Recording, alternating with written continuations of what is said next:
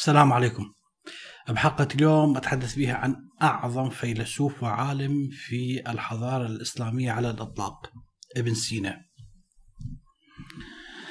هذا الرجل عاش في حقبة تقريبا ثلاث خلفاء عباسيين الخليفة الطائع والخليفة القادر والخليفة القائم. يعني الخليفة رقم 24 و25 و26 حتى تعرف الحقبة الزمنية بالضبط اللي عاش بها. ومؤكد إذا نقيس حقبة هؤلاء الخلفاء الثلاثة الطائع والقادر والقائم لا يمكن أن يقارنون بخلفاء آه، أقوياء عظام مثل منصور والرشيد والمأمون. كانوا أشبه بالطراطير بيد البويهيين. اللي صار إنه قبلهم كان المستكفي الخليفة رقم الخليفة العباسي رقم 22 في عهده أتوا آل بويه هؤلاء القبائل قبائل ديلم سنة تقريبا 334 هجري. فخلعوا هذا المستكفي وعموا عينه واستبدلوا به آه، المطيع أصبح هو الخليفة رقم 23 المطيع. وعندما أصبح الزعيم البويهي معز الدولة سلطان اللي سواه أنه ما اكتفى فقط إنه السلطان. يعني السلطان كانت له صلاحيات كبرى. الملك أو الخليفة لا شيء أشبه برئيس الوزراء. أما الخليفة العباسي فكان مجرد اسم لا أكثر ولا أقل. بل إنه بدأ ينافسه حتى على الاسم بدليل إنه وضع اسمه معز الدولة جنبا إلى جنب الخليفة في خطبة الجمعة. وهذا الشيء كان مختص فقط للخلفاء العباسيين. عندما تأتي للبويهين البويهين كانوا شيعة آه، أعتقد شيعة زيدية وليسوا اثنى عشرية. فسنوا في بغداد سنن مثلا في يوم عاشوراء اللطم والتطبير وضرب الزنجيل وغيرها من هذه الأمور أمروا بالاحتفال بها. السلاطين البويهيين اللي فعلوه إنه جعلوا المطيع العباسي أيضا جبروه على التنازل عن العرش. عندما تأتي للطائع العباسي. استمرت خلافته تقريبا 18 سنة. لا يوجد بخلافته هو شيء مميز أبدا. خلعوه بنهاية الأمر ووضعوه بالسجن. ثم بعد ذلك يجلس القادر في مكانه ويدوم حكمه 41 سنة. 41 سنة من غير أن تكون له أي أهمية على الإطلاق. وأخيرا زالت دولة البويه التي نهكتها الفتن في عهد الخليفة القائم لكن ازالتهم ما اتت إلا على حساب مجيء قوم لربما أشهر سؤال عن منهم اللي هم السلاجقة وسيطروا على الحكم. عندما نأتي للدولة البويهيه سنجد أن ركن الدولة أحد أعظم سلاطين بني بويه عندما أصبح كبير بالسن قسم البلاد بلاد الامبراطوريه العباسية الواقعة تحت سلطانه بين أولاده. أصبحت ملك له وأولاده من آل بويه سنة هذا الكلام 365 فأعطى لأحدهم فارس بلاد فارس وكرمان. وأعطى شخص آخر آه، الري يعني اللي هي طهران. وياها أعطاه أصفهان. وشخص آخر أعطاه همدان. وزعها عليهم. ولذلك سوف نرى انه ابن سينا عاش في هذا الجو في إيران بأكملها. قليلا في أوزباكستان اللي هي كانت بأكملها تابعه للدولة العباسية. يتنقل بين هؤلاء الأشخاص يعني في عهد الدولة البويهيه. ابن سينا كان قرمطي. وإحنا نعرف تاريخ القرامطة. هذه الفرقة اللي ظهرت جنوب العراق وامتدت من الكوفة لحد البحرين، بدايتها كانت أمر جدا عظيم ورائع ودولة اشتراكية كتبت عنها حلقة ممكن تراجعها. سميتها أعتقد جمهورية القرامطه الاشتراكية الديمقراطية. يعني على يد مؤسسة حمدان قرمط كانت دولة رائعة جدا. تختلف عن أسلوب الملوك والخلفاء وغيرها. لكن بعد موت حمدان قرمط لا. أصبحت عبارة عن عصابات ولصوص آخرهم بالبحرين سرقوا الحجر الأسود بقى عندهم 20 سنة إلى آخره. آه، عندما ولد ابن سينا. لا هاي كانت فرقة القرامطة منتهية. تقريبا من عهد المستكفي رقم 22 خليفة العباسي. إذا كانت سلطة القرامطة انتهت في زمن ابن سينا. لكن نحن نعرف أن القرامطة ابن سينا كما ذكرت قرمطي ذكرت أو ما ذكرت القرامطة هم أصلا يتبعون للمذهب الإسماعيلي الشيعي وليس للاثني عشري. يعني ونحن نحن نعرف إنه مذهب الإسماعيلي يعني مذهب بأفكار عظيمة. مثلا الاخوان الصفا من المذهب الإسماعيلي. ونعرف أيضا إنه الإسماعيليين آه، هم استلموا زمام السلطة في مصر اللي كان اسمهم الفاطميين، الدولة الفاطمية، هذه كلها الأجواء اللي ولد في ظلها ابن سينا. اذا كان حال الإمبراطورية الإسلامية حال متضعضع، سلطة مركزية ليست لها آه، تلك القوة اللي في بداية الدولة العباسية. فتسيطر على أجزاء يأتون أقوام آخرين يسيطرون على أجزاء شعوب تصادم مع شعوب قب... آه، معتقدات تذهب تأتي معتقدات وغيرها، كانت الروح العربية تميل إلى أو مو تميل انتهت الروح العربية أصبحت مضعضعة مقابل بروز الروح الفارسية اللي تم إيقاظها من سباتها. لكن بدون أن تستطيع أن يعني تكون هي الأمر الناهي ابدا. لأن الروح الفارسية سوف تأتي روح شرسة جدا سوف تحد من نزواتها وطموحاتها اللي هو العنصر التركي اللي هم السلاجقه مع كل ذلك عندما نأتي إلى العلماء العلم بشكل عام كان خائف. يعني إذا نرمز له بشخص كان خائف متسكع يبحث عن أمير يحميه. لابد من أمير يسبغ عليه الحماية منين؟ من كل شيء وأولهم رجال الدين. لأن رجال الدين كانوا معادين للعلم معادين لأي شيء خارج القرآن والسنة. كلهم معادين يعني شيعة وسنة. لا يوجد منهم شخ يعني مذهب نستطيع أن نقول باستثناء المعتزلة طبعا أو إخوان الصفا. ففي مثل هذه البيئة ولد لك ابن سينا وكان موجود ابن سينا قدم ابن سينا أعظم منهاج علمي وفلسفي عنده نأتي على بدايته وحلقة اليوم خطوط عريضة عن ابن سينا فيما بعد سوف أستمر بحلقات أخرى عن كل فلسفة ومنهاج وعلوم ابن سينا بالتفصيل. والده ولد في مدينة بلخ. بلخ أين في أفغانستان. ثم أتى والده إلى بخارى، أين بخارى؟ بخارى في أوزباكستان. تزوج امرأة أوزباكستانية. فرزق من عندها بولدين ابن سينا كان هو الابن الأكبر. وكما سنرى أنه خريطة ابن سينا حياته بأكملها سوف تكون في إيران. لحد اليوم ثلاث دول تتصارع على ابن سينا وحقهم أفغانستان تقول ابن سينا منا اوزبكستان يقولون لا ابن سينا منا وإيران يقولون ابن سينا منا. ثلاث دول تتصارع على هاي العبقرية العظيمة. في حين إن العرب نابذي وكأنه يعني طاعون. الحد ممكن تكتب تحت الجوجل الحويني أعتقد الحويني ورأيه بابن سينا يقول هذا القرمطي الكافر لحد اليوم. يعني العالم أين العقليات وين وأنت يعني أوروبا باكملها تفتخر بابن سينا وجامعاته باسمه وتدرس إلى حد القرن الثامن عشر أفك. علوم ابن سينا بالطب وكذا وأنت لحد اليوم في عصر الإنترنت وتسميه القرمطي وكذا ما عليه عقدك ما يكون قرمطي أنت يعني تريد الناس كلهم إلا يتبعون السنة ومثلا السلفية أو الأشعرية عند ذاك سوف يحوزون على رضاك فهذا شيء مؤسف جدا. عندما كان ابن سينا صبي تم توكيله إلى معلم. من أجل أن يتعلم علوم القرآن والحديث وكذلك مبادئ الأدب. عندما بلغ العاشر من عمره كان عنده ذكاء وتقدم جدا كبير. في هذا الزمن سوف يأتي إلى بخارى اللي بأوزبكستان. مجموعة من الإسماعيليين. إحنا ذكرنا ابن سينا إسماعيلي قرمطي. أتوا مجموعة الواد هو كان صبي عمره عشر سنوات من إسماعيلية مصر. كانوا يعلمون مبادئهم بالضبط نظريتهم في النفس وفي العقل. اعتنق والد أبو سينا هذا المذهب يعني بما يقوله من عقائد وغيرها. اعتنق أفكارهم الفلسفية لنقول لكن ابن سينا يقول كانوا ربما يتذاكرون فيما بيناتهم وأنا أسمع وأدرك ما يقولون ولا تقبله نفسي.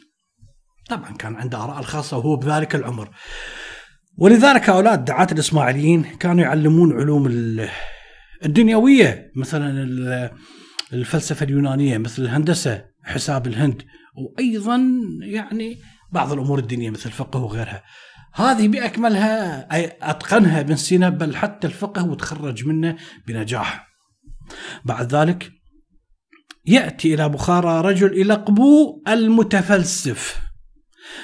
أبو ابن سينا يأتي بهذا الرجل ويسكنه في بيته من أجل أن يعلم ابنه ابن سينا العلوم. يتعلم بالفعل ابن سينا من هذا الرجل المتفلسف مبادئ المنطق.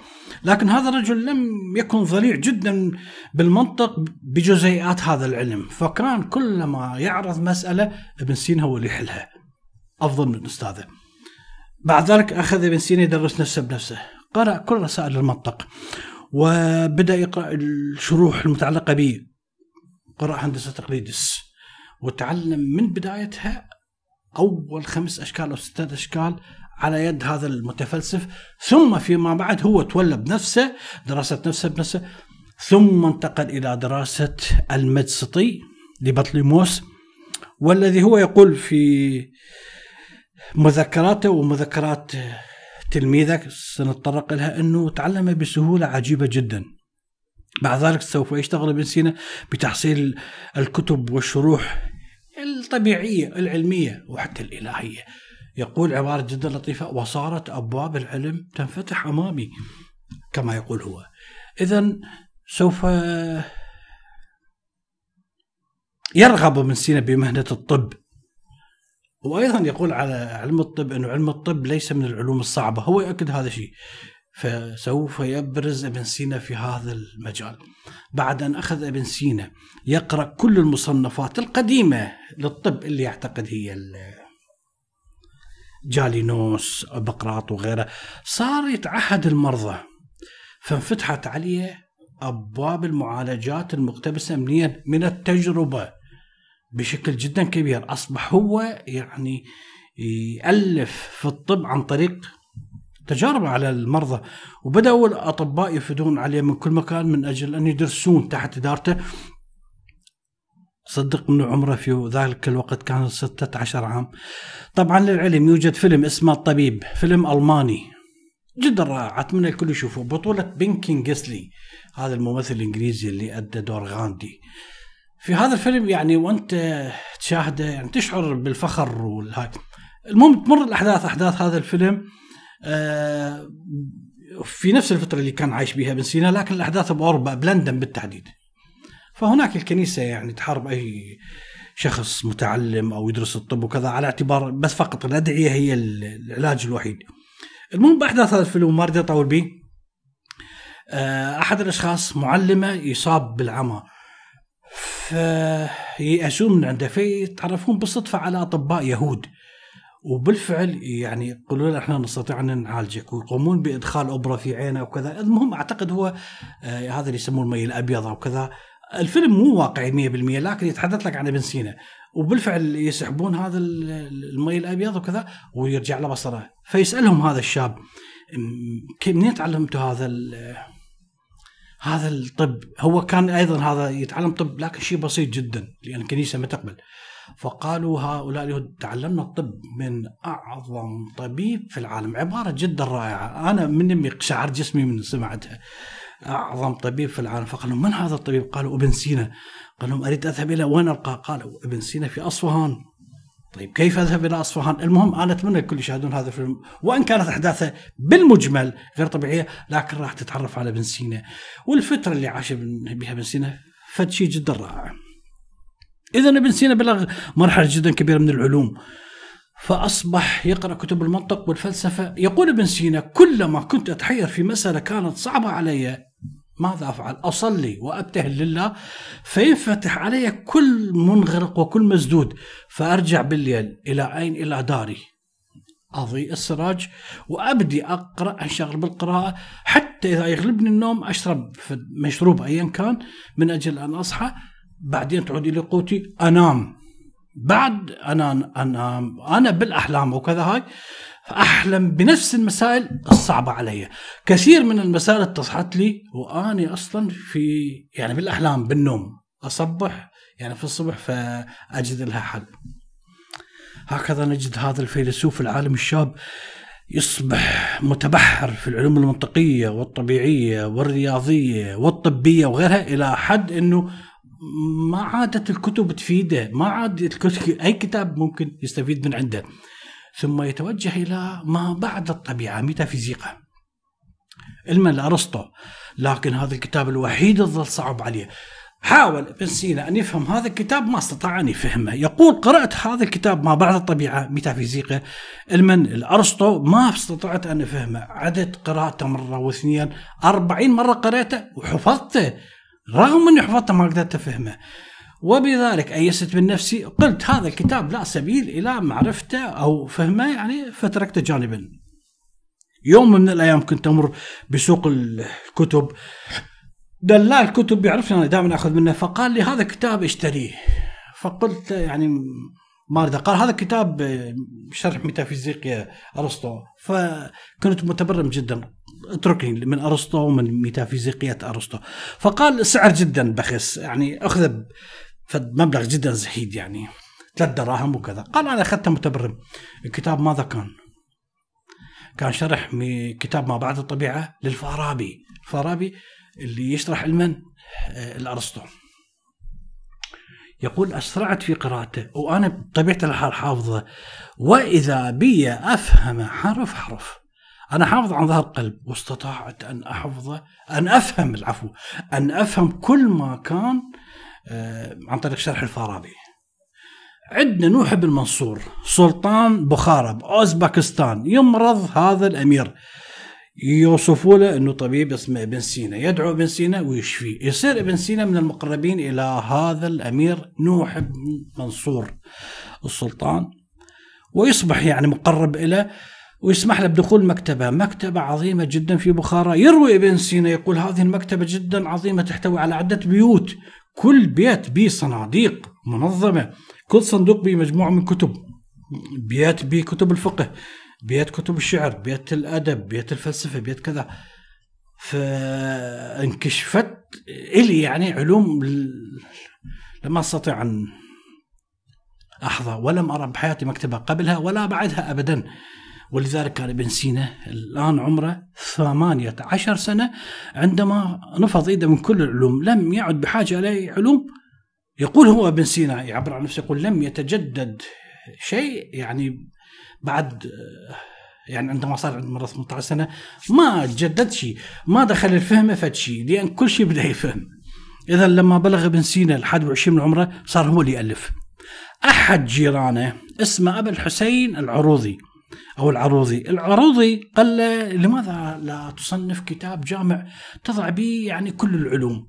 وبالفعل صنف هذا الكتاب ووضع به كل العلوم سمى حكم الحكم العروضية. على اسم الرجل اللي قال له صنف كتاب بالعلوم. عنده جار أيضا. سأل لماذا لا تضع شرح فلسفي؟ فصنف كتاب الحاصل والمحصول. أيضا صنف كتب كثيرة بالأخلاق. لما يبلغ الثاني والعشرين سوف يتوفى أباه هذا يترك أثر بغير وضعيته. أيضا ابن سينا سوف يقتحم مجال السياسة وسوف يقلدون السلطان في كل مكان. يعني يرحبون به يقلدون شيء من أعماله أعمالهم يعني يضعونه في منصب ما. يقول ابن سينا أن الضرورة دعته إلى أن يترك بخارى لأوزباكستان ينتقل إلى منطقة بتركمانستان. متجاورة بملاصقة لإيران وأوزباكستان ثم من عندها يذهب إلى منطقة ثم من عندها يذهب إلى طوس ثم يذهب إلى جرجان. مدينة بعد مدينة من أجل يذهب إلى جرجان من أجل أن يلتقي بالأمير قابوس لأن حتى يحظى بحمايته. لكن هذا الأمير هو بالطريق ابن سينا اعتقل وضع بالسجن ومات. بعد ذلك يمضي ابن سينا أين؟ إلى دهستان. يمرض بها مرض جدا صعب. ثم يعود مرة ثانية بعد أن يشفى إلى جرجان ويتصل لأول مرة بالجوز جاني. أحد تلامذته اللي يبقى وياه لآخر العمر 25 سنة تقريبا. في جرجان كان يوجد رجل اسمه أبي محمد الشيرازي. هذا رجل يحب العلم. كان أبو محمد محب للعلوم. اشترى هذا الرجل خصيصا لابن سينا دار. قال له هذا البيت لك يا ابن سينا فقط أبقى نورنا بعلومك. هاي الناس اللي الحضارات هكذا تولد. مو تولد عندما تقول كافر أو كذا أو أحدهم أنا مرة كتبت يعني أو حلقة كتبت يعني تكلمت عن هذا الموضوع إنه هذا الرجل يتهم ابن سينا بالقرمطي وكافر. فأحدهم علق قال لا الحويني يتهم ابن سينا إنه كافر مو بعلوم الطب والفلسفة وال. والعلوم الطبيعية بل بالعلوم الدينية يعني المذهبية. يا أخي هذا رجل مو سني. نتكلمها طق بطق رجل مو سني. يعني أنت تريد كل العالم على المذهب السني السلفي وصفق له بذاك الوقت. رجل ولد على مذهب شيعي قرمطي. فلماذا هذا التعصب؟ ثانيا أنت عندما تقول كافر هل ممكن نحتفل به؟ مثلا ممكن نضع صورته على العملة أو كذا. ممكن أن نضع له تمثال أو هذا رجل كافر. لا يمكن أن نخلي صورته في دفتر مدرسي أو كذا لأن كافر. مثلا المهم آه هذا الرجل اللي احترم ابن سينا ووضع له بيت بقى هذا الرجل في كل يوم يأخذ دروس من ابن سينا بالفلك بالمنطق.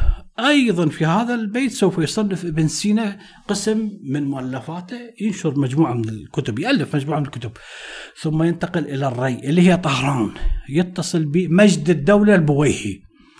هذا الأمير يكون مريض فيبدأ بتطبيبه.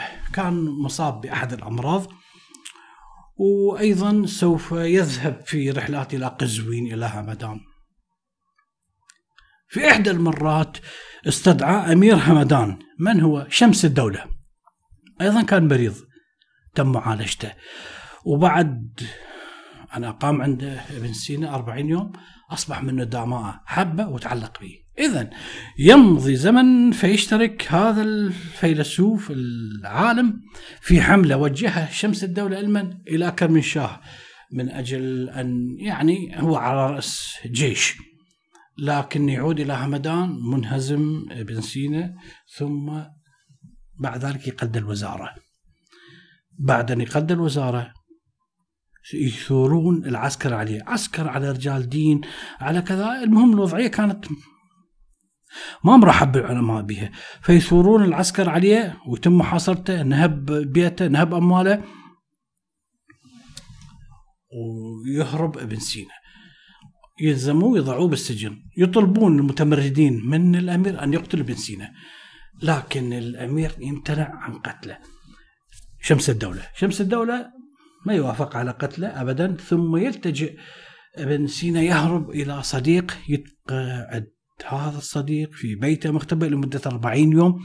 لما تنقضي هذه الفترة يمرض الأمير يستدعي يستدعي ابن سينا يطبب ابن سينا يقلد الوزارة مرة ثانية.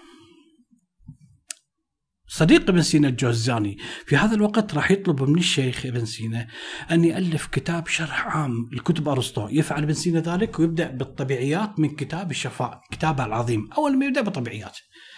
إذا قبلها ابن سينا كان ألف كتاب. الكتاب الأول من القانون في الطب اللي به عدة كتب. كان ألف الكتاب الأول وكان يقدم تأليف هذين السفرين عظيمين على كل ما بقية كان كل ليلة ابن سينا يبدأ يألف. وموجود لفيف من العلماء وكذا فكان الجوزاني يقرأ قسم أو فصل إيه، من كتاب الشفاء غيره يقرأ من كتاب القانون وهكذا. إذا تدريس هذا الكلام كله بالليل لأن الصبح كان يعني موجود عنده منصب آه، وزير أو كذا أو مهام عنده جدا كثيرة. هذا هو الأمر اللي كان يقضي به أو الفترة اللي كان يقضي بها بسين حياته. هذا الكلام أين؟ كله بهمدان بإيران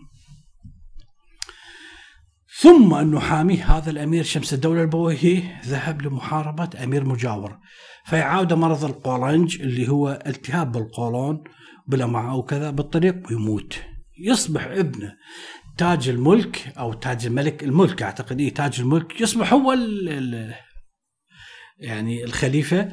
يطلب من ابن سينا أن يقوم بمنصب الوزارة، ابن سينا يرفض هذا الطلب ويهرب يختفي في دار صديقه. ويبدأ بكتابة المصنفات ويالف هناك فصول الطبيعيات وما بعد الطبيعة من كتاب الشفاء. وأيضا مجموعة كتب عن الحيوان والنبات. اذا ابن سينا في ذلك الوقت استغلها فرصة فبدا يكتب خمسين ورقة كل يوم. ثم شعر إنه بغير مأمن في هذا المكان هنا. فأرسل رسالة بالسر علما إلى أمير أصفهان المقر اللي سوف يصبح به ابن سينا تقريبا آخر يوم بحياته. من كان في أصفهان؟ علاء الدولة.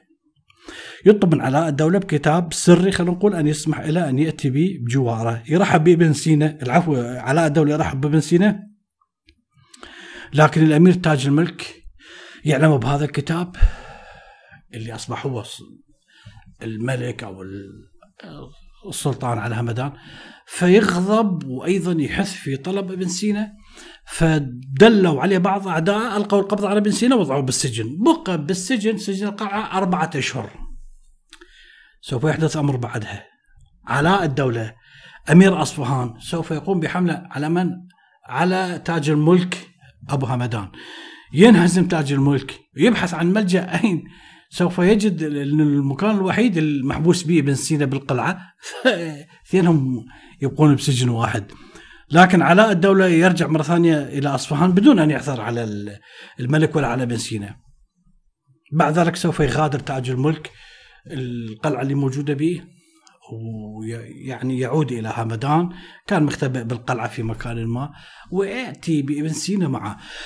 في ذلك الفترة حروب وختل وما أعرف إيش تصور أنه ابن سينا ألف كتب جدا كثيرة وهو في السجن.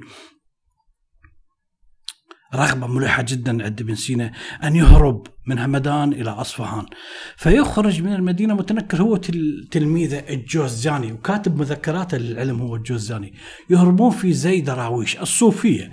يصلان إلى أصفهان بعد أن قاسوا في طريق شدائد جدا كبيرة شدائد كبيرة يذكرها بالتفصيل الجوزجاني إذا سوف يحسن علاء الدولة. قبول هذا الفيلسوف العالم ويجد في مجلس الترحيب والإكرام والإعزاز اللي يليق بمثل هذا العالم العظيم واللي راح يشاهد الفيلم راح يرى هو هذا علاء الدولة الموجود بأصفهان يعني الأحداث كلها هنا وراح تلاحظ رجال الدين كيف يحاربون ابن سينا ويحاولون قتله لأنه شرح الجسم البشري ولأنه هذا حرام ما يجوز إنسان يموت يجب أن يدفن لا يجوز أن تعبث بجسده وغيرها أمور كثيرة. اذا سوف يأخذ في العمل ليلا ويعقد المجالس الفلسفية نفس اسلوب الحياة اللي كان قضاه في حمدان يقضيه في اصفهان لكن الفرق هنا إنه الأمير هو اللي موجود بهاي المجالس الليلية في كل لحظة. اذا سوف يألف ابن سينا كتب كثيرة في صحبة علاء الدولة فصنف كتاب آه، النجاة. يستمر هذا الفيلسوف بالبقاء بجوار علاء الدولة تحت حمايته حتى وفاة علاء الدولة. وفي هذا الزمن يألف لك ابن سينا كتب مختلفة. لا سيما كتاب اللي حمل اسم حاميه علاء الدولة سمى الحكمة العلائية. هذا الكتاب موجود يعني نشره بالفارسية كتاب فلسفي جدا عظيم. الأمر الغريب اللي لاحظه جوزجاني إنه خلال 25 سنة التي قضاها مع ابن سينا لم يجد يوم من الأيام ابن سينا يمسك كتاب أو يقراه ابدا، كان إذا صادف كتاب يقرأ الشيء الصعب من عنده ثم يحكم على هذا الكتاب. حتى كتب في سيرته كان الشيخ قوي، قوي البنية جدا، وأقوى شيء عنده هي القوة الجنسية عند ابن سينا. ولكن هاي كانت تأثر على مزاجه. وأيضا كان آه، العلة اللي أصيب بها ابن سينا واللي هي اللي سوف تؤدي إلى وفاته القولنج اللي هو التهاب القولون والامعاء والمعدة. وهي اللي سوف تكون سبب في موت ابن سينا.